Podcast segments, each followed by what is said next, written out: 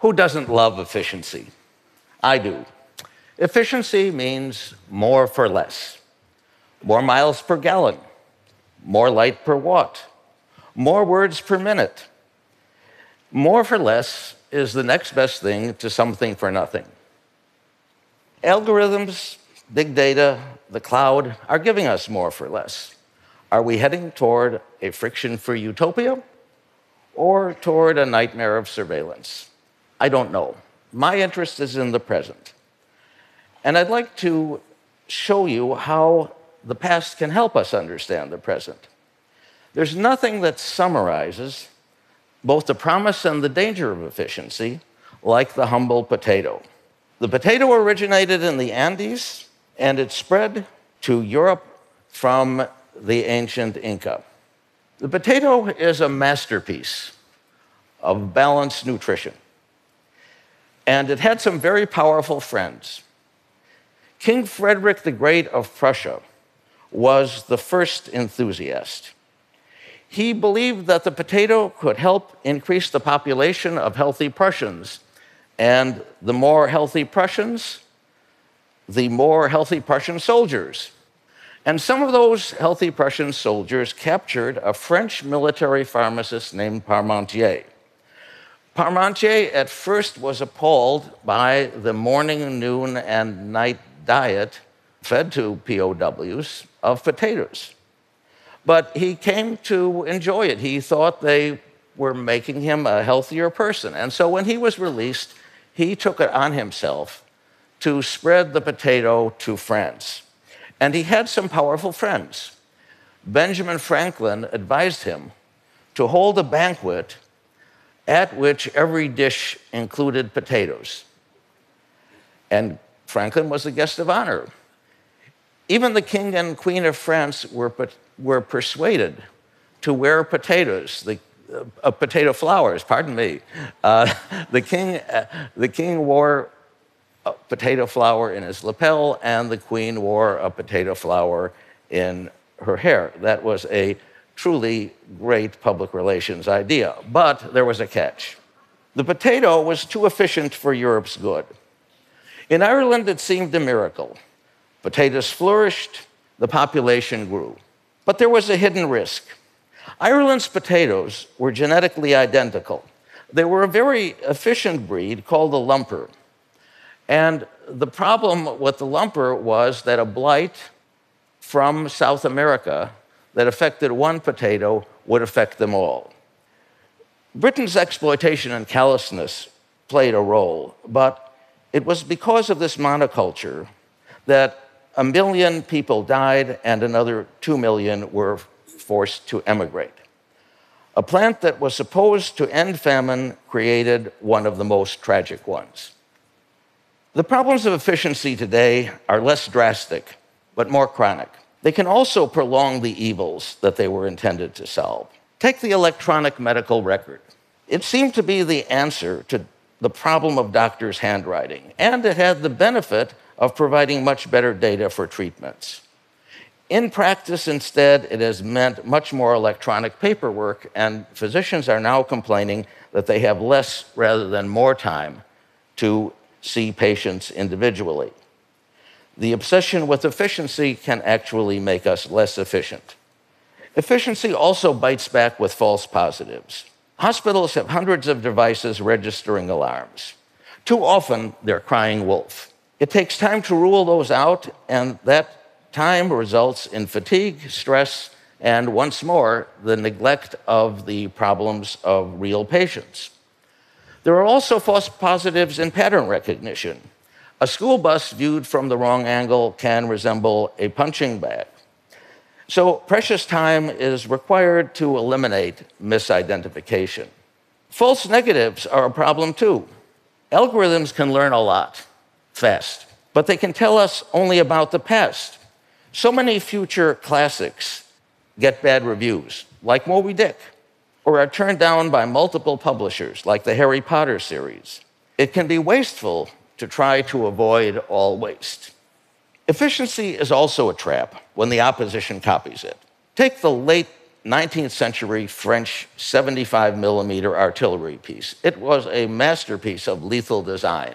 This piece could fire a shell every four seconds. That wasn't so unusual, but what was really brilliant was that because of the recoil mechanism, it could return to the exact same position without having to be re aimed. So the effective rate of firing was drastically increased. Now, this seemed to be a way for France to defeat Germany the next time they fought. But predictably, the Germans were working on something very similar. So when the First World War broke out, the result was the trench warfare that lasted longer than anybody had expected. A technology that was designed to shorten war prolonged it. The biggest cost of all may be missed opportunities. The platform economy connecting buyers and sellers can be a great investment, and we have seen that in the last few weeks. Companies that are still losing hundreds of millions of dollars may be creating billionaires with initial public offerings. But the really difficult inventions are the physical and chemical ones. They mean bigger risks. They may be losing out because hardware is hard. It's much harder to scale up a physical or chemical invention than it is a software based invention. Think of batteries. Lithium ion batteries in portable devices and electric cars are based on a 30 year old principle. How many smartphone batteries today will last a full day on a single charge. Yes, hardware is hard.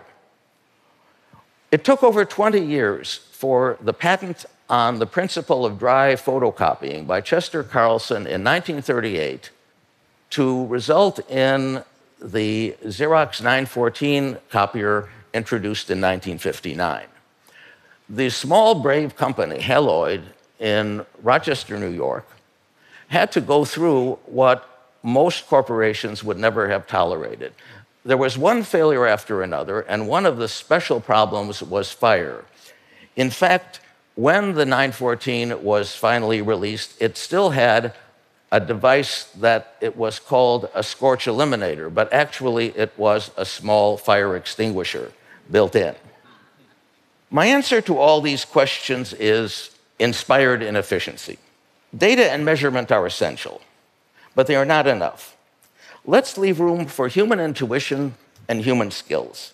There are seven facets of inspired inefficiency. First, take the scenic route. Say yes to serendipity. Wrong turns can be productive. Once, when I was exploring the east bank of the Mississippi, I took the wrong turn. I was approaching a toll bridge, crossing the Great River, and the toll collector said I could not turn back. So I paid my 50 cents, that's all it was at the time, and I was in Muscatine, Iowa. I had barely heard of Muscatine, but it proved to be a fascinating place. Muscatine had some of the world's richest mussel beds. A century ago, a third of the world's buttons were produced in Muscatine, 1.5 billion a year. The last plants have closed now, but there is still a museum of the pearl button industry that's one of the most unusual in the world. But buttons were only the beginning. This is the house in Muscatine, where China's future president stayed in 1986 as a member of an agricultural delegation. It is now the Sino US Friendship House, and it's a pilgrimage site for Chinese tourists. How could I have foreseen that? Second, get up from the couch. Sometimes it can be more efficient to do things the hard way. Consider the Internet of Things. It's wonderful to be able to control lights, set a thermostat, even vacuum the room without leaving one seat. But medical research has shown that actually fidgeting, getting up, walking around is one of the best things you can do for your heart. It's good for the heart and the waistline. Third, monetize your mistakes. Great forms can be created by imaginative development of accidents. Tad Lesky, an architect of the Metropolitan Opera at Lincoln Center, was working on a sketch and some white ink fell on the drawing. Other people might just have thrown it away, but Lesky was inspired to produce a starburst chandelier that was probably the most notable of its kind of the 20th century. Fourth, sometimes try the hard way. It can be more efficient to be less fluent. Psychologists call this desirable difficulty. Taking detailed notes with a keyboard would seem to be the best way to grasp what a lecturer is saying, to be able to review it verbatim. However, studies have shown that when we have to abbreviate, when we have to summarize what a speaker is saying, when we're taking notes with a pen or pencil on paper, we are processing that information. We're making that our own, and we are learning much more actively than we, we had just when we were just transcribing what was being said. Fifth, get security through diversity. Monoculture can be deadly. Remember the potato? It was efficient until it wasn't. Diversity applies to organizations too. Software can tell what has made people in an organization succeed in the past. And it's useful sometimes in screening employees, but remember, the environment is constantly changing. And software, screening software, has no way to tell, and we have no way to tell, who is going to be useful in the future. So we need to supplement whatever the algorithm tells us by an intuition and by looking for people with various backgrounds and various outlooks. Sixth, achieve safety through redundancy in human skills. Why did two 737 MAX aircraft crash?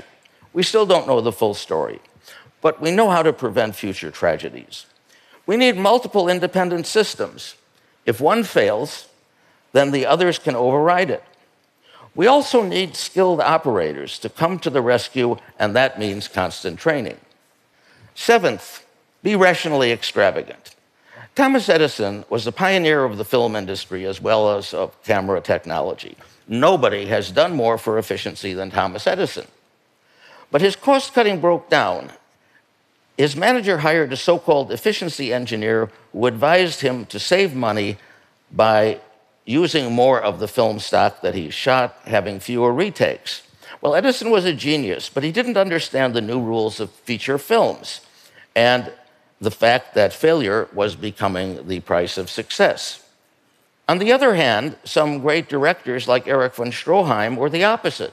They were superb dramatists, and Stroheim was also a memorable actor but they couldn't live within their budgets, so that was not sustainable.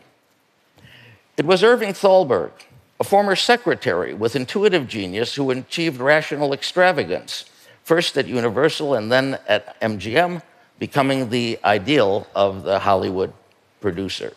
Summing up, to be truly efficient, we need optimal inefficiency.